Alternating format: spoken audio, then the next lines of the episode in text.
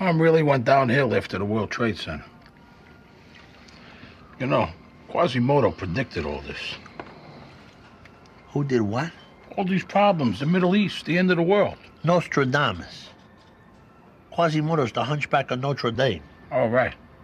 Notre Dame. Nostradamus and Notre Dame.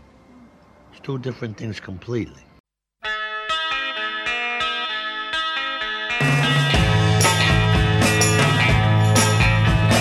Rob on the radio comedy hour.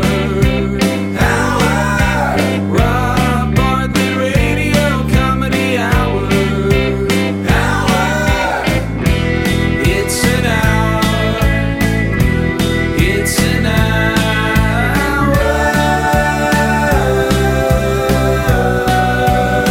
hour. Rob on the radio comedy hour. I'm personally very excited to welcome our special guest star. Uh, I'm sure you all know he plays Detective Anthony Abidemarco on CBS's Blue Bloods. He's the best-selling author of four books. Six books. Uh, six six books. He's done the Tonight Show over forty times. Guest starred in countless movies and TV shows, including his first a non-credited role in Casino. He also has his own brand of uh, organic vegan pasta sauces. It's so good it'll make you want to smack your old Italian grandmother right in the mush. Uh, hold on a second, Rob. Please welcome our friend Mr. Steve Shariba. Uh, Thank you, but we don't want to promote violence here, not on your poor Italian grandmother. Well, well, you know, what can I say? I mean, the sauce is that good. It is good. Yeah. I can't believe your resume, man. You've you've done everything. Well, uh, you know, I, I got to be honest. I have done a lot, but uh, why'd you leave out The Sopranos, man? That's like what I'm known for the most, I think. I, you know, first of all, everybody knows that about you. I mean, playing Bobby Bacala, Tony's brother-in-law, five seasons, Six seasons. six seasons. I thought you were kind of tired of being known for just that. Yeah, well, you know, I mean, I've done a lot of things in my career. You know, I'm now uh, on Blue Bloods. I play a detective. Right, right. Which I'm very happy about. I was on another show, Secret Life of the American Teenager, for five years. Uh, six years. no, I mean, I did that right after The Sopranos. You know, I've done a whole bunch of stuff. I mean, which is fun, and that was all because of The Sopranos. You know. there's a steady gig now on Blue Bloods, Yeah, I, they. Uh, I came on. This is my fourth season. fourth season. Yeah, so they signed me to all the episodes. It's it's, it's a really good show. Well, let me ask you something now that you hear him. You know, speaking of, of Blue Bloods, what's Edie Falco like? She's not on Blue Bloods, but she's a great actress and a good friend of Well, mine. yeah, no, but- yeah, yeah, I, I know. I just I thought we were talking about Blue Bloods. No, yeah, going back to The Sopranos. You know, I just I, I I would like to have her on as a guest. You know, so all right. you you wouldn't have any contact number for her, would you? Like, uh, Well, I don't feel cell phone? comfortable giving you her number. All right, yeah, but yeah, of course, of course. of You course, want of course, me to call, uh, give you her publicist yes. number or agent? No, it's fine. I want to talk about some of the other things in your career, uh, other than Soprano stuff. All right, it's great. Sopranos ended, just so everyone knows, in 2007. It's 11 years ago. Is it really that long? 11 years. Wow. That was, you know, I have to say, I only cried once during the entire season. And it was when you got whacked in the in the train store. Really? Really? Is that true? Because I first of all, Well, when I, I knew- was eating a dish of pasta, that made you cry. you wish it was you. twice. I twice. I cried twice. What's Tony Sirico like? Is he is he like Paulie Walnuts in real life? There is no difference between Tony Sirico and Paulie Walnuts. I'll tell you a quick story. They were trying to figure out on the show one time what Paulie Walnut's apartment would look like because they were going to film the apartment. And they were racking their brains. What would this guy's apartment look like? Then somebody said, What do you mean the guy is the guy? Let's go to his apartment.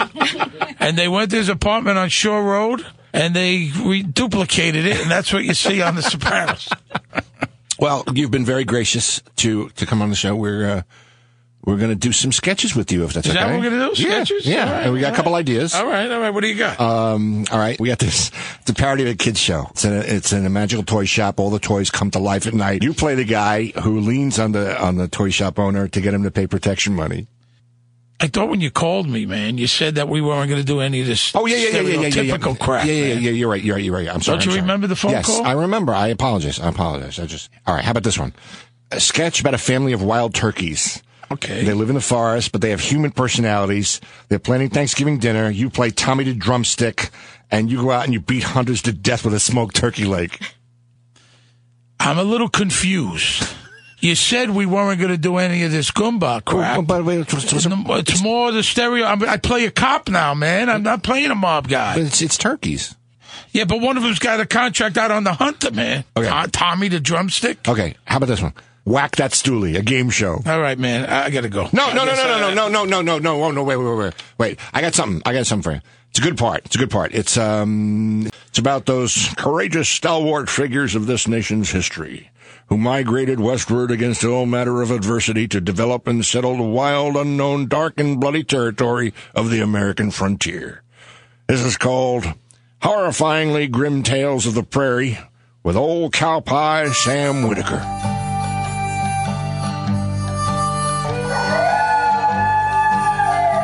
The ink wasn't even dry after President Lincoln signed the Great Homestead Act of 1862, and thousands of poor tenant farmers and sharecroppers from Missouri gathered their families and set out in wagon trains into the still as yet unclaimed territory of the Pacific Northwest. One such group of settlers was led by Dr. Elijah Rumsey, a Presbyterian minister, who served as the guide. This is me? Yeah, yeah, yeah, go ahead. Yeah, okay.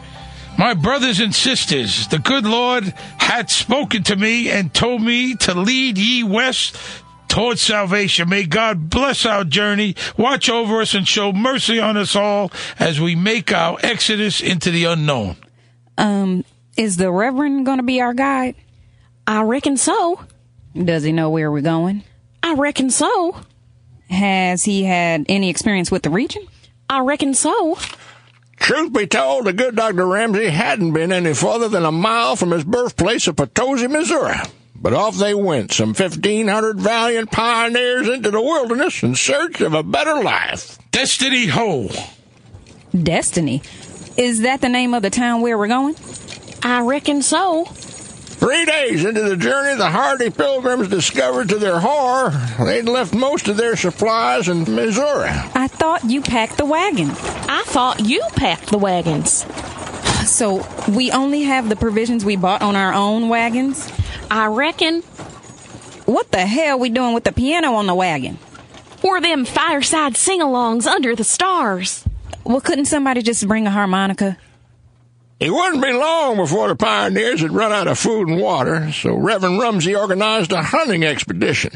Didn't go as well as Dr. Rumsey had envisioned. Dear Lord, we bow our heads to honor the souls of the brave men who were taken from us while they selfishly went out into the wilderness to hunt food for their brothers and sisters. Wait a minute. They're all dead?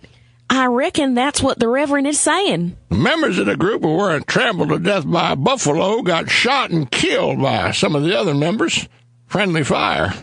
My brothers and sisters, be not afraid, be not daunted. Yeah, though we have suffered great loss, we must carry on and not lose sight of our ambition. We must continue our journey.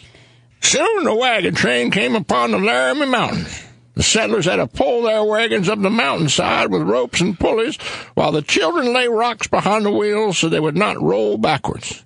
A good number of the pilgrims were lost in the attempt, You know, now's the time when you might consider rethinking this whole piano thing. but they refused to give up and eventually surmounted nature's challenge and arrived on the other side of the territory of the Cheyenne, one of the most vicious tribes of the plains.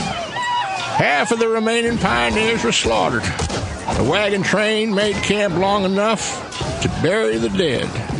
well, at least there's less of us who have to deal with the lack of food. Fewer. What? Fewer of us. No. Fewer is only to be used when discussing countable things, while less is used for singular mass nouns. Oh. Now help me with this piano. Day after day, the pilgrims continued west, suffering casualties from overturned wagons, lightning strikes, malaria, scurvy, and cholera. Many of the settlers were crushed by boulders while taking a shortcut through a valley that Dr. Rumsey had brought them to. To tell you the truth, I'm starting to lose a little faith in the Reverend. Then winter set in. You know, I'm seriously thinking about turning around. Tune in next week when we join the Rumsey expedition as they attempt to cross the mighty North Platte River.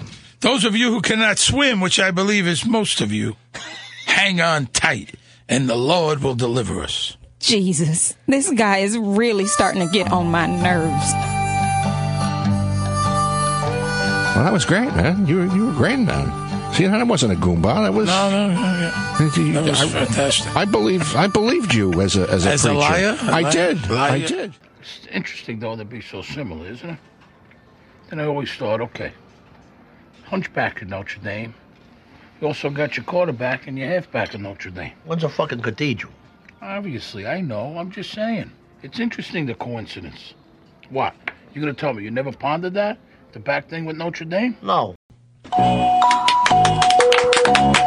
Yeah, welcome back to Flatbush Jeopardy. I'm Salmonella. Thanks a lot. Shut up. In the lead from Bensonhurst, Vinny Cheese has won eight large so far in our first round. Let's see if he can keep the winning streak going. How you feeling, Vinny? I'm good, Sally boy. I'm good. I feel good. And what do you do for a living? Hey, you know, a little of this, a little of that. Mostly carding, demolition, some uh, dumpster rentals. Why? You need something? No, Something I can no, do for you? no, no, no, no. Thanks a lot. Shut up. Up against him, well, not up against him because that'd be sexual harassment, but challenging him in second place with five and a half large. We got from Red Hook Angela Capabianco, a hairdresser, at Mr. Tony's in Bay Ridge. Hey, you married Angela or what? Not yet, Sal. Still looking. Uh, we'll talk after the show. And uh, in third place, with Ugats from Park Slope, Aura Eversman says here, yeah, photographer. I'm currently looking for a gallery in Soho for my collection of images of homeless people's shoes. You make a living at that. Well, no, I'm also a part-time cashier at Urban Outfitters. All right, all right. Round two is uh, double Brooklyn Jeopardy. Each answer worth twice the amount of cash. Here are the categories. Not for nothing. Use guys. Dollars to donuts. Forget about it. She thinks who she is. And arcade fire. Vinny, you're in the lead. You go first. I'll take not for nothing for 200, Sal. The answer is what your brother says when he tells you that pinky ring that guy sold you was a weasel deal. Vinny, What is not for nothing, but that diamond is a Fugazi. like you didn't know that when you only paid 20 bucks for it, right? Nice, Vinny, go ahead. I'll take not for nothing for 400, Sally boy. The answer is what your friend says before a game of stoop ball. What is not for nothing, but chips if I roof your Spalding? Like it's a big deal, right? they cost a quarter. You're on a roll, Vinny. She thinks who she is for 200. The answer is you tell me with that hair, those platforms, and what she spends at the nail salon. Angela. What is she thinks who she is when she's just a Kujanet? You control a board, Angela. Give me use guys for 200, Sal. The answer is what you tell your friends when you pick them up and you sketch a bang to go dancing at pastels.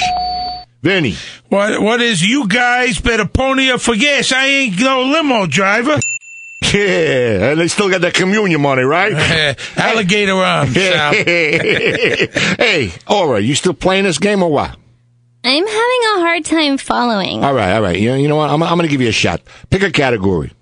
Um, use guys for 400. All right. The answer is what you should say before your friend boosts a couple steaks from the AMP. I don't know. I don't eat meat. Whoa, whoa, whoa, whoa, whoa, whoa, whoa, whoa. First of all, you got to phrase the answer in the form of a question. What is, I don't know. I don't eat meat.